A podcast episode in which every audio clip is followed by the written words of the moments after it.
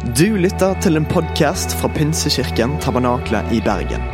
Vi tror at kirken skal være en plass hvor mennesker trives gjennom alle livets faser. En kirke for hele livet. Ønsker du å bli bedre kjent med oss eller holde deg oppdatert? Besøk vår Facebook-side eller ptb.no. Her er ukens tale.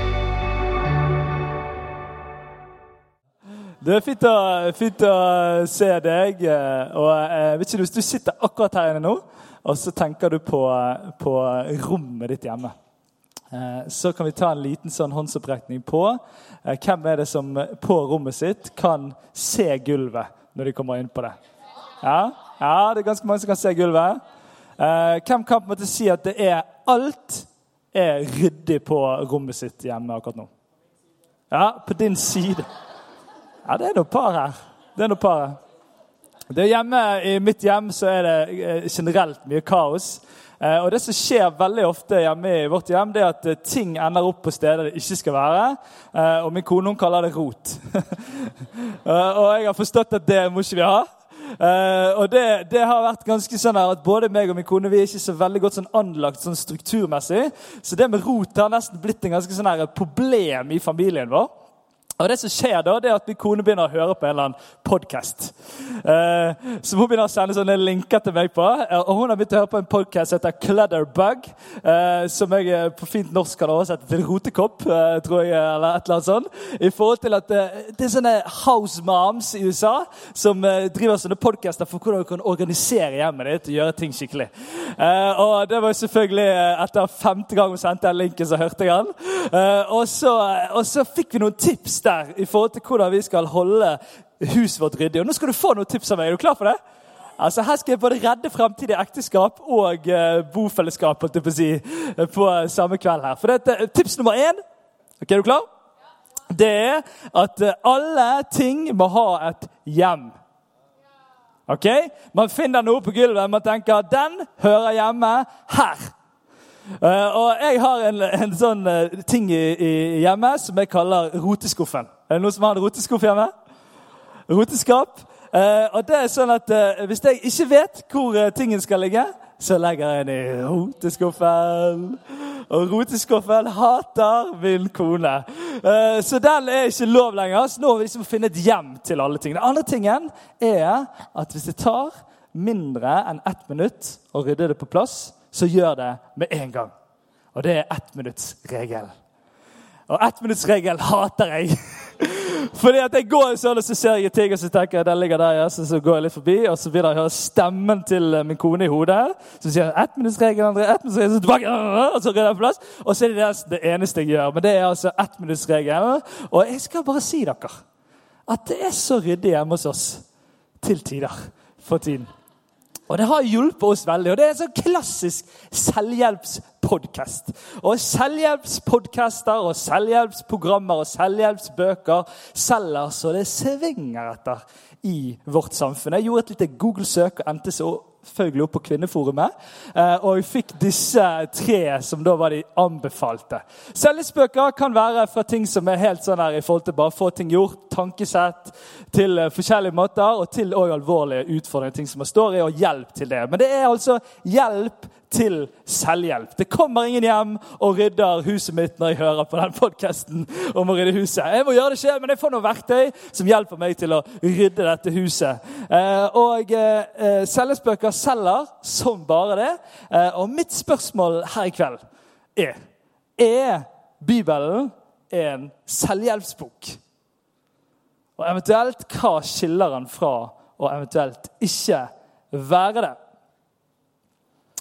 Dette bibelverset vi bygger denne Puls-serien på, er, er i Apostelens gjerninger, der de sier at de holdt fast ved en del ting. Det var ting de gjorde fast, og så står det at de holdt fast ved apostlenes lære. Og Det er bare en måte å beskrive det vi i dag kaller Bibelen. Det vi i dag kaller Guds ord, eller Ordet, eller, eh, eller et eller annet ord du bruker for dette gamle eller nye testamentet. Eh, vi kaller det som oftest Bibelen, men vi kaller det også og sier at det er Guds ord. De holdt fast ved det, og det var et aktivt grep. altså det er et aktivt begrep om å holde fast. De holdt fast ved ordet, og det var noe som skjedde jevnlig. Og de holdt det nært inntil seg. Og Det er ganske fantastisk å se på historien som har vært, at dette ordet har blitt stående fast gjennom alle typer historier, gjennom alle typer angrep, gjennom alle typer forskjellige tidsaldre. så har dette ordet blitt stående fast. Og jeg stiller meg spørsmålet, Hvordan har det klart å stå fast så lenge? Og da tror jeg det handler om at mennesker har tatt dette ordet og så har de tatt det helt inntil hjertet sitt. Og så har de holdt det der, og så har de holdt det levende og nært. Så når noen har kommet med et eller annet som ikke er stemmer og sagt om det, så har folk reist seg og sagt Hør her, det der stemmer ikke. Dette er ikke riktig. Dette er Guds ord. Det er ikke det du sier nå. Og Jeg har lest i Salme 119, og det er en helt sinnssykt lang salme. Jeg begynte å lese, og så tenkte jeg sånn har jeg kommet over i salme 120 nå, eller hva skjer? Og så selvfølgelig etterpå så googlet jeg at det var den lengste salmen. Så det er sikkert det lengste du kan lese i ett kapittel i hele, hele Bibelen. Men det er egentlig en helt kapittel som er en hyllest til Guds ord. Og Der bruker de forskjellige ord om Guds ord. De snakker om ordet, de snakker om påbudene, de snakker om loven. Men alt peker inn mot at det er Guds ord til oss. Og så hyller denne salmisten dette i et helt kapittel. Jeg skal bare lese to vers for deg her i dag. Hvor høyt jeg elsker din lov. Jeg grunner på den hele dagen. Ditt bud gjør meg mer vis enn mine fiender. Det er alltid hos meg.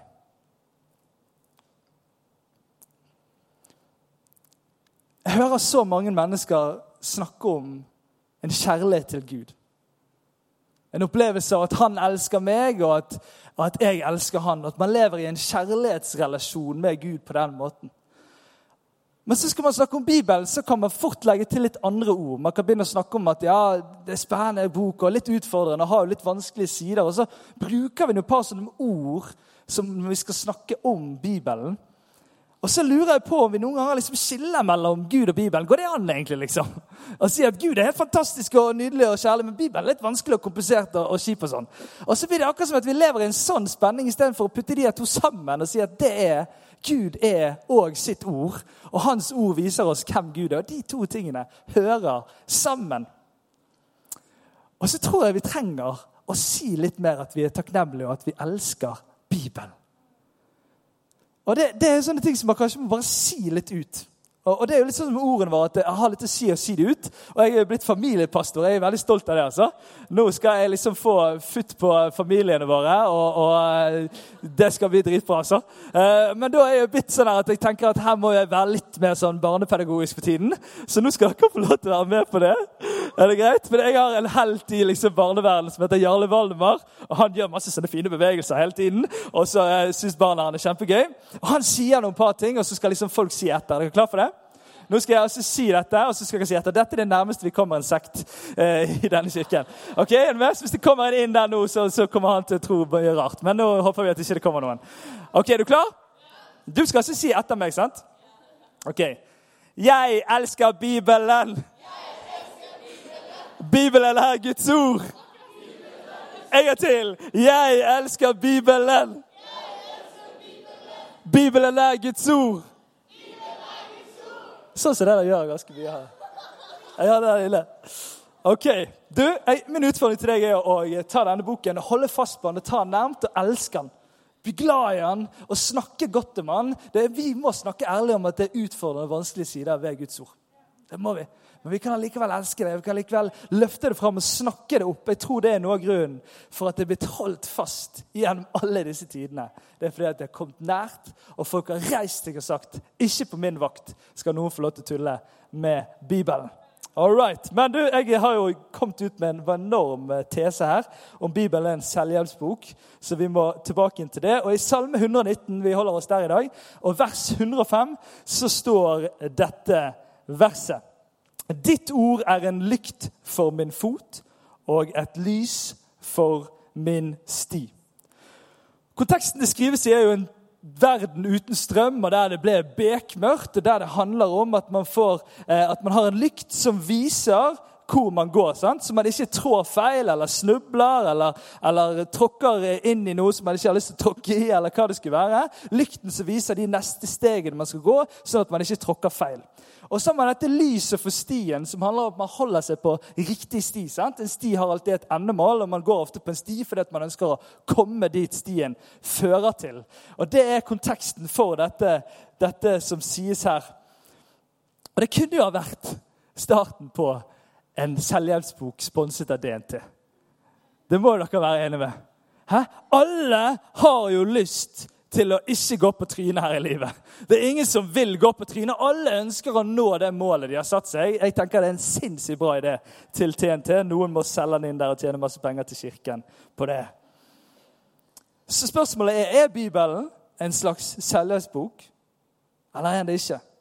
Jeg tror Bibelen kunne vært det. Jeg tror Bibelen til tider har vært det for noen. Men det eneste problemet er at jeg tror at den ikke er det. Jeg tror ikke at den er en selvhjelpsbok. Og Noe av det mest grunnleggende forskjellen mellom Bibelen og selvhjelpsbøker eller podcaster eller programmer, det er at i regnestykket på en vanlig podkast så er det meg pluss meg med litt kunnskap om å rydde hjemmet er lik kanskje lykkelig å lykkes i en måned eller to. sant? Det er greien. sant? Regnestykket er meg pluss meg fortsatt. Og det betyr er lik om det går eller ikke i forhold til hva jeg får til. Men i Bibelen så er regnestykket annerledes. For det er meg pluss Gud og hans ord og han som har skapt meg, og hans sannhetsord inn i livet mitt. Da blir plutselig regnestykket helt annerledes. Og der bryter Bibelen med selvhjelpstankegangen og kommer med noe helt annet inn i regnestykket. Jeg har tenkt på en ting, at Hvis jeg, hvis jeg hadde liksom hørt på alle liksom treningspodkaster og liksom trent dritmye og liksom bare sånn Jeg skal en gang klare å løfte meg sjøl. Så jeg bare bruker masse tid. sant? Trene få det til å funke og liksom finne ut av hva jeg kan gjøre. Uansett hvor mye jeg gjør, så kommer jeg aldri til å klare å løfte meg sjøl. Er dere enige? Eneste måten jeg kan løfte meg sjøl på, er at noen andre løfter meg opp. Bibelen møter de spørsmålene som ingen selvhjelpsbok kan møte. Hva er meningen med livet? Hvordan leve evig? Jeg tipper den boken hadde solgt bra. Ti tips. Ti veier til å leve evig. Den hadde røket bra fort. ass. Hvordan bli fri fra seg sjøl. Når svaret ligger utenfor oss sjøl, så blir selvhjelp ganske destruktivt. Når en kristen begynner å lese Bibelen som en selvhjelpsbok, så blir det fort en ond sirkel med vonde konsekvenser. Utbrente kristne som prøver hardt, så hardt de kan, for de leser om noe man skal gjøre, noe man ikke skal gjøre, og prøver å ta seg sammen og løfte seg etter håret. Kristne som på en eller annen måte tror at ikke de trenger Gud lenger, for de fikser jo greiene loviske kristne som blir så opphengt i rett og galt at de mister kjærlighet til seg sjøl og andre mennesker. På en annen måte som Bibelen skiller seg ut, er òg at den gir hjelp på områder som ganske få mennesker har lyst på hjelp til og i. Jeg ser for meg tittelen 'Ti veier for å ta et oppgjør med synd i livet'. Jeg tror ikke han hadde solgt så veldig, veldig bra. Det står at Guds ord er en lykt for min fot. Og dette lyset, En av lysets viktigste funksjoner er jo at det fjerner mørket. Så Hvis du går inn i et mørkt rom og tar på lysbryteren, hva skjer da? Da kommer lyset på. Og det forsvinner mørket. Ja, nå er vi på dypet her, folkens. Følger dere meg? Lysets funksjon er at det fjerner mørket, og i tillegg så avslører det hva som er i det rommet. Så for eksempel, Når jeg skal legge meg noen ganger, så tenker jeg det er et perfekt soverom vi har. Og så hvis noen, slår på lyset, så skjønner jeg at det er ikke så veldig bra, det soverommet. Der trengs det litt mer podkast uh, i forhold til der vi er akkurat nå. Livet gås steg for steg. Det er sånn vi lever. Gjennom valg og gjennom handlinger så går vi steg for steg. Og så kommer Guds ord som et lys inn i disse stegene. Og Det viser Guds vilje, som er en gode vilje for alle mennesker. Og det er òg Guds advarsler eller, eller hør her, pass på i forhold til ting som ikke er bra for oss, og som ikke er bra for andre mennesker. Og det som er med mørket, er at Mørket kan gjøre ting så fryktelig uklart. Og Av og til så har vi nesten lyst til at ting skal være i mørket, for da vet vi ikke helt sikkert hvor kjipt det egentlig er for oss eller for andre mennesker, så lenge vi holder det der i mørket. Litt uklart, litt sånn blurry. Og så tar vi og bare tenker at hvis det bare blir der, så gjør det vel ingenting. Og så kommer Guds ord og ønsker å lyse opp. Og det er at det har ikke bare evnen til å avsløre, lyse opp og avsløre ting som ikke er bra i mitt liv for meg sjøl og andre mennesker, men det har evnen til å fjerne det mørket. Det har evnen til å lede ut av det mørket som man på en eller annen måte har kommet inn i. Jeg har lyst til å invitere deg til å lese denne boken og tenke at du stiller deg fram i lyset og lar deg bli avslørt. Og Det er ikke sikkert du tenker at det er kjempeinspirerende å høre, men jeg tror det egentlig er det. Det er en eh, misjonær som reiste til Papa Ny-Guinea. Sigmund Evesen heter han. og Oversetter Bibelen og lager et skriftspråk inn i en, et stammefolk som bor inne i skogen der. og Aldri har møtt liksom omverdenen før. og Så bygger de opp dette språket, og så møter de noen par interessante ting på veien. og Det eneste skjer, de oppdager, er at disse Papa Ny-Guineaene de hadde ikke et, et, eh, et ord for å snuble. Så det var aldri sånn at Hvis man skulle få si setningen 'Jeg går i skogen og, og snublet i en rot', så var det ikke sånn at de skrev at jeg snublet i en rot, men roten snublet meg. Skjønner dere? At Det var alltid sånn at omverdenen gjorde et eller annet med meg når jeg gikk rundt der, og roten snublet meg. Og jeg tror av og til, i møte med dette mørket, i møte med de tingene som ikke er bra for meg og andre mennesker rundt oss, så blir vi veldig ofte fort et offer som peker på andre ting og tenker at vi er bare et offer for det som skjer. Men selv om Gud er det avgjørende i regnestykket, så er vi fortsatt i regnestykket. Og jeg tror vi har fått en gave, og det er et gammelt kristent godt begrep jeg har lyst til å skal lære deg. Og jeg har fått så vanvittig mye skryt for å si det på formiddagen i dag, så jeg skal si det her på kvelden òg, og det er omvendelse. Omvendelse er en fantastisk gave til meg og deg som kristne.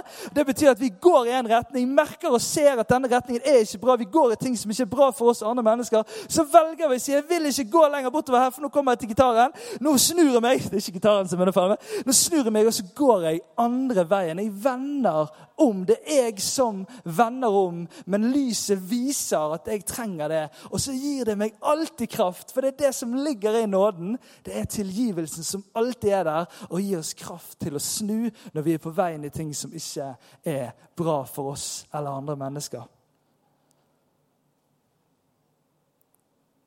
Omvendelse og tilgivelse er en gave til oss kristne.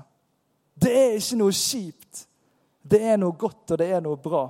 Og Jeg elsker når jeg leser denne salmisten i, i, i, 100, eh, i Salme 119. Så sier han dette i vers 7. Så sier han, 'Jeg priser deg av et oppriktig hjerte. Lovsangstund. sant? In the moment. sant? På de høye tonene. Når jeg lærer dine rettferdige lover. Altså For meg har det vært ganske stor avstand fra lovsangstunden og oppgjøret med synd i livet. Og Det har vært ganske forskjellig smak på det. Det har vært ganske forskjellig opplevelse av det, spesielt i en ungdomstid der jeg stresset grådig med dette spørsmålet om synd i livet. Vi trenger å gi en annen smak på dette. Fordi vi har et ord som lyser opp, og som kan avsløre mørket. Og som kan være med å fjerne det mørket som vi er i, og som vi har gått oss inn i. Følger du meg? Det er heftig, dette. Jeg erkjenner det, men jeg er litt sånn på frimodighetsveien i dag. Det er en kristen setning. Du kan google etterpå.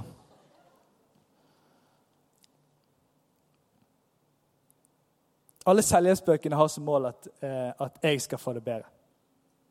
Og Selvfølgelig er det noen ganger sammenheng når jeg får det bedre, så får andre det bedre rundt meg òg. Men målet er alltid, og det peker alltid på det, at du kan få det bedre. Du kan få et eller annet sånn og sånn. Og Så peker det på deg, og så peker det ikke så veldig mye lenger. Denne stien som vi, vi blir invitert til å gå på, og som blir lyst opp for oss, peker på alltid noe mer enn meg sjøl. Det peker alltid lenger enn mitt liv og konsekvensen i mitt liv. Alltid ringvirkninger videre fra mitt eget liv. Og Det er det som er så nydelig ved å gå på denne stien som lyses opp for oss. Av å få lov til å være med på det som Gud gjør i denne verden. Og der jeg får lov til å leve for noe som er større enn meg sjøl. Og der målet ikke er meg sjøl en eller annen plass, men det er å få lov til å se alle samlet en eller annen plass. Og du ser ringvirkningene av det livet man lever, av de valgene man gjør, og få lov til å være med på noe større enn bare sitt eget liv. Her er det frihet fra oss sjøl. Jeg tror det er så mange mennesker som søker frihet fra seg sjøl. Og en mye større mening. Og denne stien som vi inviteres til å gå på, den går til evigheten. Det står at vi, om vi enn dør, så skal vi leve. Det er helt umulig å forstå det med den menneskelige tanke. Men det betyr at den går inn i evigheten sammen med Gud. Det er der denne stien er på vei. Og så snakkes denne stien om den som den smale sti. Og Det har vært mange alvorlige prekener fra denne scenen og andre kikker rundt omkring om den smale sti, der vi går helt alene og tripper av gårde. Jeg har alltid sett for meg at det er en sånn stiplet linje som du skal gå på når du skal sjekke at du For den er så sinnssykt smal. sant? Og og så er det på en måte den, den, der, den, andre veien er så brei som en sånn firefelts motorvei. Og så er det noe i det, fordi at vi lever så, og inviteres til å leve så annerledes enn verden rundt oss, at det er en himla smal sti, folkens. Og med en gang du tror at du Nå ble jeg sint her nesten. Med en gang med en gang vi tror med en gang vi tror at vi kan gå på den stien uten det lyset som Guds ord gir, så kommer vi til å trakke feil, folkens. Vi kommer til å gå en eller annen vei rundt som vi ikke hadde trengt å gå. Og Det er ikke det at det er krise, at alt håp er ute da i det hele tatt. Det er ikke det jeg sier. Men jeg sier vi har fått lys. La oss bruke det. La oss tørre å gå inn i det, og la oss tørre å gå på den smale stien som er veldig veldig annerledes, og som bryter med så mye av den verden som vi lever i i dag.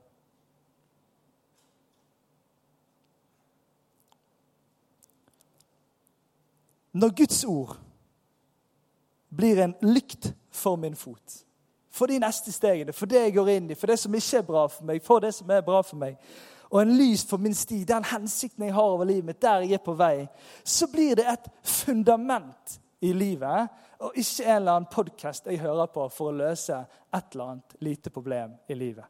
På en eller annen side av det jeg holder på med. Og Her tror jeg vi av og til har misset litt ut med å forholde oss til Bibelen. som en eller annen Vi henter inn når vi møter et eller annet, så henter vi den inn. og Så kommer vi i dette, så henter vi inn. og Jeg sier ikke at det liksom er helt feil, jeg bare sier at du kan gjøre det annerledes. Du kan få lov til å sette det som fundament i livet istedenfor. Som utgangspunktet som infiltrerer alle ting. Og jeg har ikke funnet så bra ting om rydding i Bibelen som jeg gjorde på den podkasten. Så det går an å supplere det med selvhjelpsting, men vi må vite at dette ligger i bunn. Sant? Det ligger helt til bunnen, og så infiltrerer det resten av greiene. Det blir et fundament, ikke noe som ligger på toppen av noe annet. Denne podkasten, Clutterbug Jeg må tilbake til den på slutten her. Den snakket om at alle ting må ha et hjem.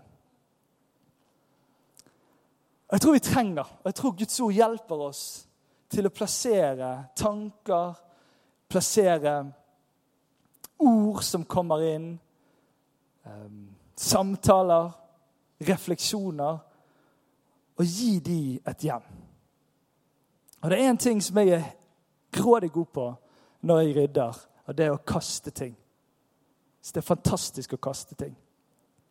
Og vi trenger å finne søppelbøtten. Den er gitt oss gjennom Bibelen. For der Bibelen kan være med å avsløre de tingene som ikke er sant om deg. Ikke er sant om hvem du er og din verdi. Ikke er sant om den situasjonen du står i. Og så må du finne søppelbøtten. Og Jeg tror vi trenger å ha sortere litt. Og så tror jeg vi trenger å forstå at noen ting er så heftig at det trenger å kastes i farlig avfalldel. Det er en litt mer komplisert prosess å kaste det. I alle fall for meg. Jeg må liksom hive det i en egen plass og så må jeg kjøre det til et sted. For det, det kan ikke hives i det vanlige bosset. Og Jeg tror det fins noen sånne ting i livet som vi må ta noen ekstra runder på. Men Guds ord kan vise oss hvor ting egentlig hører hjemme. Og så kan vi få lov til å kaste noen ting. Og så kan vi også få lov til å plassere noen sannheter. Du vet at Det er mennesker som lever hele sitt kristne liv med en usikkerhet om at Gud elsker dem for den de er. Jeg møter det i denne kirken, voksne mennesker som kommer til meg og sier Hvorfor fikk jeg ikke høre dette så tydelig tidligere i livet? Hvorfor var det ingen som sa dette når jeg var ung? Man har levd med en skam, man har levd med en usikkerhet om at hvis Jesus kommer igjen i morgen, er jeg egentlig på riktig lag. Jeg er egentlig der, fordi at man har vært så usikker i forhold til sitt eget liv. Vi kan få lov til å få noen sånne sannheter som får lov til å finne et hjem i hjertet vårt. Være der det skal være. Og så tror jeg veldig mange av oss har en roteskuff på dette området òg. Jeg har lyst til å utfordre deg litt på den roteskuffen. Alle de refleksjonene du gjør som ikke du finner helt ut av. De spørsmålene du stiller som er, litt vanskelig å finne ut av, og, og, usikkerheten på noe. Og så bare lar man det ligge, og så tenker man at det sikkert går greit. Jeg har lyst til å utfordre deg til å finne et hjem for det. Kanskje noe av det som skal i søppelbøtten. Hører ikke hjemme der. Ta og Fyll deg med lyset som viser vei. da. Og Kanskje er noen par ting som bare har blitt i roteskuffen, men som egentlig skal plantes i hjertet ditt av sannheter om hvem du er, og hva du kan få lov til å være med på i ditt liv. Og så er det denne forbaskede ettminuttsregelen som jeg er blitt litt irritert på hjemme i vårt hus. Jeg er nesten usikker på om jeg skal bruke deg dette bildet, men jeg tror at det er så utrolig lett for å utsette å fylle seg med Guds ord. Og Det blir så veldig enkelt å tenke at jeg skal bare ta det etter jeg har gjort dette, eller etter jeg har gjort denne tingen, eller når det passer bedre, eller når denne uken er over, eller når våren kommer, eller når dette kommer. Og så driver man med sånne utsynsgreier som gjør at det kan bli litt mye rot. Og Så går det henne det fins det en sånn femminuttersregel. Ikke heng deg opp i liksom femminuttersgreier, men som, som, er tilgjengelig, som gjør at hvis jeg tenker at jeg har lyst til å lese Guds ord en dag, så gjør jeg det med en gang jeg tenker det. Om jeg stopper bilen, eller om jeg tar opp på lesesalen, eller om jeg, hva jeg gjør for noe, så gjør jeg det med en gang. Så avslører jeg denne utsettelsestanken, som jeg noen ganger tror er litt som fight. For det finnes så mye kraft inn i midt i ditt liv om vi begynner å fylle oss med dette. Og så blir det pulsen pulsen som går. Ikke den der eh, stoppe helt opp, og så kommer det en ny runde, og da er det høy puls, og det snør etter. Og så stopper det opp igjen. Istedenfor finner vi denne pulsen, og så kan vi snakke med hverandre om femminuttersregelen på en fin måte, og ikke en så streng måte som jeg sa det i sted. Du, folkens, la oss elske Guds ord. La oss snakke Guds ord opp inn i eget liv, inn i andres liv. La oss holde det så nært at det går ikke an å tulle med det. For det er så nært, og det er så levende i oss. La oss stille oss fram i lyset. La oss la Bibelen lese oss. For det er en gave at ting som ikke er bra for meg og bra for deg, blir avslørt. Det er ikke fordømmelse. Hør meg nå. Det er ikke fordømmelse, det er ikke pekefinger. Det er en gave, og det er kjærlighet til meg og deg. Guds kjærlighet er større enn at han lar deg fortsette med det som ikke er bra for deg. La oss stille oss fram i lyset. La oss la den boken lese oss. Og la oss ha tro for at lyset er sterkere enn mørket, folkens. Jeg kommer aldri til å bli helt fri fra mørket. Det kommer alltid til å være ting. Men så lenge jeg jevnlig stiller meg fram i lyset, så er det så mye større sjanse for at ikke det får den plassen som det kunne fått. Og så la oss gå på den stien som er så mye større enn meg og deg. Som er så mye større enn meg og deg sitt hjem, eller som er så mye større enn denne kirken, eller så mye større enn det som vi står i, bare oss, men som er et Guds rike perspektiv. Og som er en mening som går langt forbi mitt liv. Den friheten trenger vi som mennesker. Vi er skapt til å leve i den. Jeg har lyst til å invitere deg inn i den. Og la oss ha den pulsen som pulserer i hverdagslivet. La oss oppmuntre hverandre, la oss spørre hverandre. Når leste du sist? Hva leste du om? La det være en samtale som ikke er fylt av å sette mennesker på plass eller prøve å finne ut av om noen har gjort noe som de skal eller ikke, men som er fylt av den felles forståelsen av at vi elsker Guds ord og vil fylle oss med det. Jeg har lyst til å reise deg opp, så skal vi avslutte sammen her. Og Jeg kjente på kjøreturen inn her, jeg spurte, jeg pleier å spørre Gud om det er noe spesielt han har lyst til å si. Og da opplevde jeg virkelig dette med å stille seg fram i lyset som, en, eh, som noe som, eh, som eh, jeg har lyst til å invitere deg til å gjøre akkurat her og nå. Det er noe du skal trene og kunne gjøre sjøl, men jeg har lyst til å hjelpe deg til et sånt første steg her og nå. Og stille deg fram i lyset og si, Gud, er det noe? Et mørke? Det kan være ting du gjør, det kan være ting du tenker om deg sjøl, det kan være ting som ligger i fortiden. Er det et eller annet mørke her som du har lyst til å lyse opp på en eller annen måte? Så jeg har lyst til at du skal være åpen for om det kommer et ord fra Gud til deg. Det kommer et skriftsted som du kan slå opp etterpå. Eller om han bare har lyst til å lyse opp her.